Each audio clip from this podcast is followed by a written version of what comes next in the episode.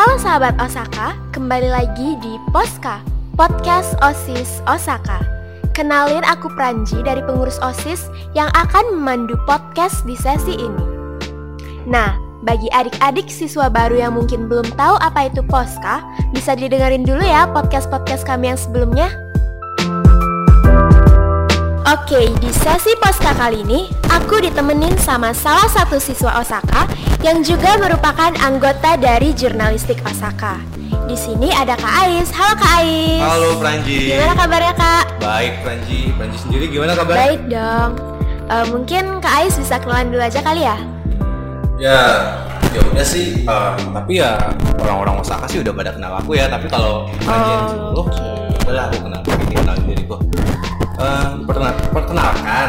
Duh, ini perkenalkan. Kak grogi sih Uh, Kak. nama aku Aiswarya. Aku dari uh, kelas 12 IPS 1 dan aku salah satu anggota dari Jurska yang biasa anak-anak Osaka tahu itu disebut jurnalistik Osaka. Iya. Jadi nih, di sini kita berdua bakal mengulas dan sharing-sharing ke kalian tentang era yang sedang kita hadapi saat ini. Pastinya kalian udah nggak asing lagi kan sama yang namanya new normal. Apa sih itu new normal? Dampaknya seperti apa dan pengaruh new normal bagi sistem pendidikan itu bagaimana? Nah, daripada lama-lama, dengerin yuk ulasan dari narasumber kita yang satu ini. Hmm, pengertian new normal. Kalau secara baku sih, new normal itu langkah percepatan penanganan COVID-19 di bidang kesehatan, sosial, dan ekonomi Hmm, yang dijalankan dengan mempertimbangkan kesiapan daerah dan hasil riset epidemiologis di wilayah terkait. Oh, hmm, kalau boleh tahu riset epidemiologis itu apa ya kak? Kayaknya agak asing ya. Ah, karena agak asing, ya udah deh aku kasih tahu.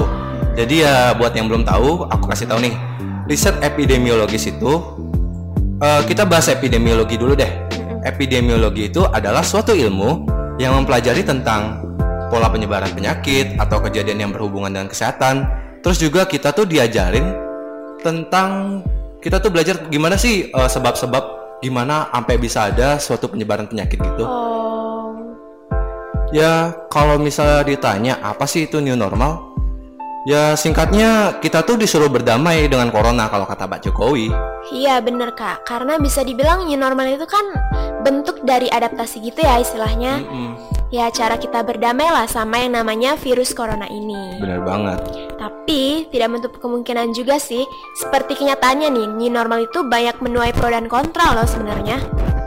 Ya, bener banget. Apalagi ya kita bisa lihat sendiri tuh di sosmed banyak banget kan yang protes tentang new normal ini. Hmm, Ya, walaupun banyak pro kontra di masyarakat, tapi asal mereka tahu sebenarnya new normal ini penting tahu. Soalnya ya bayangin aja nih, kita bisa lihat beberapa bulan pertama di awal tahun 2020 ini aja, perekonomian di Indonesia udah parah banget nggak sih stabilnya? iya kak. Eh maksudku nggak stabil, salah ngomong. Eh ya karena udah nggak stabil tuh. Jadi ya menurutku sah-sah aja sih pemerintah ambil langkah buat terapin new normal untuk nyelamatin ekonomi di Indonesia. Tapi ya tetap kudu pakai pengawasan ekstra sih. Iya itu dia, bagaimanapun juga kan new normal ini tatanan kehidupan baru ya yang tujuannya itu ya supaya kita tetap bisa produktif dalam beraktivitas tapi ya harus tetap sesuai dong sama yang namanya protokol kesehatan. Setuju Pranji, apalagi ya jangan mentang-mentang dibebasin nih setelah kemarin kita disuruh di rumah aja yang ya kita tahu sendiri lah bener-bener bikin kita bosen dan sumpek banget di rumah. Jadi ya jangan mentang-mentang kita dilonggarin sekarang terus kita malah jadi lupa tuh untuk jaga kesehatan diri kita. Iya itu dia. Terus nih, untuk dampaknya, pastinya new normal sendiri berpengaruh banget kan, baik itu di bidang ekonomi, politik, sosial, atau di bidang pendidikan deh. Em, sejauh yang kakak rasain itu dampaknya seperti apa sih? Hmm, kalau ditanya dampak, menurutku sih kehidupan kita sekarang di masa pandemi dengan terapin yang namanya new normal ini ya nggak beda jauh sih kayak sebelum kita diusik sama yang namanya virus corona ini. Hmm, Bedanya sih ya Pranji mungkin sadar sih kita tuh sekarang kayak lebih dituntut untuk bisa ngejalanin aktivitas sehari-hari kita dengan lebih waspada gitu loh dengan kesehatan iya kita. pastinya. Cuma ya kalau ditanya dampak, pasti ada sih dampaknya. Ya kayak yang dari aku tahu, seperti misalnya nih, yang kita lihat sehari-hari misalnya di bidang pendidikan. Pranji bisa lihat sendiri kan sekarang tuh kayaknya rasanya susah banget kan untuk bisa belajar secara konvensional kayak dulu Iya bener banget kak. terus juga saat kita mau bersosial nih dengan banyak orang rasanya susah banget kan dan kayak misalnya kalau aku mau ngobrol nih terus kalau misalnya Pranji mau ngobrol sama teman-teman. Rasanya canggung banget nggak sih untuk tetap ngobrol tapi kita tetap kudu jaga jarak gitu Iya, apalagi kan kita udah lama nih ya berbulan-bulan nggak ketemu langsung sama temen-temen. Ya pastinya kangen banget dong. Tapi sekarang giliran ketemu ya mesti jaga jarak dan itu kurang nyaman sih sebenarnya. bener apalagi ya ya mau nggak mau kita harus adaptasi sih sama new normal ini Iya, harus terbiasa. Ya tapi ya karena itu juga rasa-rasanya kangen banget sih buat bisa ngobrol dengan siapa pun tanpa harus parno dan was-was dengan dengan kesehatan kita Mm-mm. hmm oh iya terus eh, Franji setuju nggak sih Gimana? sekarang kan eh, semua orang pada pakai masker nih Mm-mm. aku ngerasa lihat orang senyum tuh jadi pemandangan yang langka banget nggak sih di Iya kak, bener sih kak, bener. Karena kan kita sekarang eh, kalau ke mana-mana itu wajib pakai masker ya. bener banget Jadi kalau kalau kita ngeliat orang senyum tuh udah kayak jarang gitu nggak sih? Hmm, ya kalau ditanya dampak ya bisa dibilang banyak sih. Tapi yang untuk aku lihat sehari-hari sih itu. Iya, karena kan dampaknya tuh tergantung dari kita juga ya kak sebenarnya gimana cara kita buat nerapin yang namanya new normal ini. Em, ngomong-ngomong soal penerapan ya, dari Kak Ais sendiri gimana sih penerapan yang baik dari new normal ini? Hmm, menurutku eh, penerap penerapannya itu susah-susah susah-susah gampang sih. Kita kalau mau tetap sehat dan nggak khawatir berlebihan sama yang namanya virus corona, ya tinggal ikutin protokol kesehatan dari WHO. Betul sih, dengan rajin cuci tangan, pakai masker, dan yang terpenting sih terapin yang namanya physical distancing ya kak. Iya bener banget. Eh, terus jangan lupa juga tuh olahraga yang rutin. Terus Mm-mm. ingat juga tuh buat minum vitamin biar imun tubuh kita tuh selalu terjaga. Iya, biar tetap kuat imunnya. Gampang banget gak sih sebenarnya? Yang susah itu malah buat konsisten ngelakuinnya nggak sih? Iya, mungkin karena nggak terbiasa ya kak, jadi kurang konsisten gitu. Bener banget dan mau nggak mau kita kudu dibiasain lah kayak gitu. Iya, harus mulai belajar untuk terbiasa. Oh ya, kita kan baru aja nih ya masuk di tahun ajaran baru. Nah, dengan era new normal ini, apakah sistem pendidikan kita itu akan jauh lebih baik atau malah sebaliknya sih kak?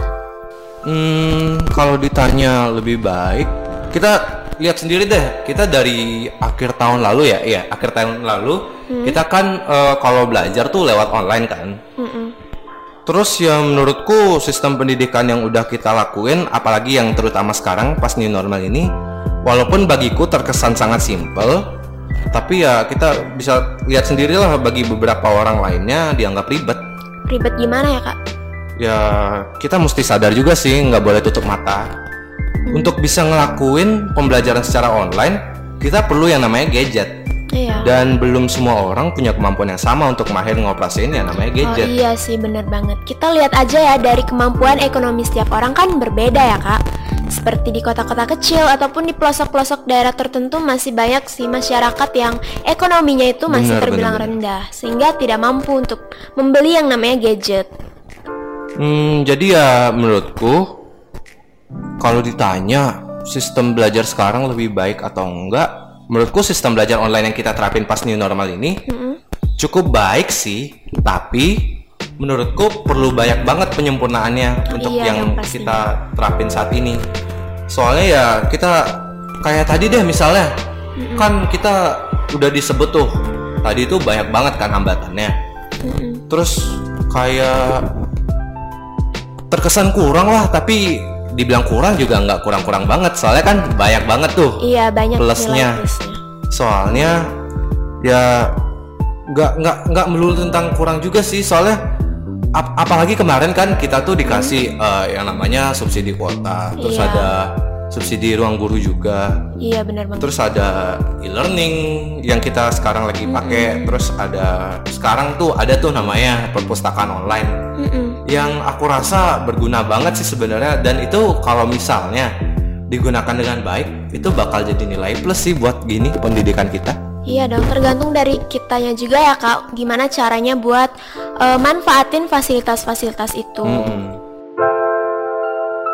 Oke, sebagai anak muda nih ya, sebagai seorang siswa juga, gimana sih pendapat Kais untuk sistem pendidikan kita saat new normal ini? Hmm, sebagai anak muda, cel anak muda. Iya kan anak Eh, muda. Walaupun ngelihat banyak banget pro kontra di masyarakat, tapi aku pikir ya, kalau aja semua orang bisa punya kemampuan yang sama untuk ngoperasin yang namanya gadget Hmm, dan punya keuangan yang setara, mungkin ya sistem belajar online ini bisa jadi suatu nilai plus kayak yang tadi aku udah bilang. Karena ya secara nggak langsung generasi muda kita udah bisa manfaatin teknologi untuk suatu yang bermanfaat. Ya simpelnya gini aja deh. Kalau misal generasi muda udah bisa pakai teknologi untuk suatu yang bermanfaat, menurutku eh, SDM unggul yang dicita-citain nama Indonesia nggak cuma isapan jempol belaka sih iya kak, benar banget sih. apalagi kan eh, kita sekarang lagi dihadapin sama yang namanya revolusi industri 4.0 Iya, kalau misalnya semua anak muda di Indonesia udah pada jago ya pasti Indonesia juga otomatis bakal ikut jadi negara yang unggul lah Mm-mm. Iya sih kak benar, karena setiap apa pun itu ya pastinya ada nilai plus dan minusnya juga ya kak. bener banget tapi ya jujur sih aku sebagai siswa kangen banget loh namanya yang namanya belajar konvensional di kelas Iya. soalnya ya Franji tahu sendiri lah beda banget lah rasanya Mm-mm, beda banget. apalagi ya kita tuh kalau misalnya belajar di kelas kan asik gitu ya bisa kayak sambil ketawa TV bareng temen terus ada yang namanya tanya jawab presentasi dan segala macamnya nggak cuma kayak sekedar tatap muka lewat layar laptop doang yang cenderung bosenin banget nggak sih Iya, secara Pranji pribadi juga pastinya kangen banget dong sama suasana di kelas, belajar bareng temen-temen dan bisa berinteraksi secara langsung sama temen-temen. setuju Jadi kesimpulannya itu new normal adalah upaya ya untuk tetap meningkatkan produktivitas kita di tengah pandemi ini dan tentunya dengan tetap mengikuti protokol kesehatan. bener banget Franji Khususnya di bidang pendidikan nih yang sangat berpengaruh dengan sistem belajar online. Eh, mungkin Kak Ais punya tips-tips nih gimana supaya semangat, lebih semangat gitu di era new normal ini dan juga supaya belajar online juga lebih semangat gimana nih? Eh, apa ya Eh, kalau misalnya tips ini bukan ke tips sih cuma yang ini ini kebiasaan yang biasa aku lakuin biar aku Oke. bisa belajar di rumah secara nyaman ya biasanya sih aku tuh kalau mau belajar online nih aku pasti usahain buat cari tempat senyaman mungkin biar kalau misalnya kita tempatnya udah nyaman kan belajarnya juga pasti enak kan otomatis semangat gitu kan Mm-mm. Terus, hmm, oh iya, jangan lupa juga. Biasanya tuh aku kalau misalnya mau belajar tuh, biasanya aku siapin cemilan dulu. Oh Biar, iya dong sama Kak. Biar, biar, biar apa ya? Biar, biar enak gitu loh belajarnya. Ya kan bisa sambil nyemil makan. gitu ya, Kak. Bener banget Panji kan. Kalau ya? kalau di kelas gitu kita kan nggak bisa sambil nyemil. Setuju, setuju banget. Eh, terus apa lagi ya? Hmm, itu deh, eh, tuh eh, kuota, kuota tuh jangan sampai lupa diisi. Soalnya kan kalau nggak pakai kuota ya gimana cara online? Ya gimana? Eh, apalagi ya? Oh iya, ini nih eh, aku punya pesen tuh buat kalian tuh anak-anak yang masih suka males buat manfaatin teknologi dan yang masih suka Iya. males baca tuh. Soalnya kan sekarang kan banyak banget tuh disediain literasi sama pemerintah. Kalau nggak dimanfaatin kan si- sia-sia banget kan. Ya saranku sih banyakin literasi biar otak lu nggak basi. Iya benar karena kan eh, pemerintah nih udah memfasilitasi kita semua dengan ya perpustakaan online dan lain sebagainya itu kita harus manfaatin dong itu dengan sebaik-baiknya. Bener banget. Oke, eh, mungkin sekian dulu ya bincang-bincang kita di podcast kali ini. Terima kasih banyak kepada Kak Ais yang sudah menyempatkan waktunya untuk bisa collab sama kita. Sama-sama Franji. Oh iya, eh, aku aku boleh numpang promosi ekstra aku bentar gak? Oh boleh dong tentunya. Eh, iya, eh, buat eh, adik-adik kelas yang baru join di Osaka, aku mau ngasih tahu nih eh, kalau ada ekstra yang namanya Jurska, yaitu kepanjangannya Jurnalistik Osaka. Kalau misalnya adik-adik kelas yang belum tahu Jurska itu apa, bisa langsung aja dikepoin di Instagramnya @jurnalistikosaka. Oke, bisa ya adik-adik semua yang mau gabung ke ekstra jurnalistik nih. Ditunggu ya. Ditunggu.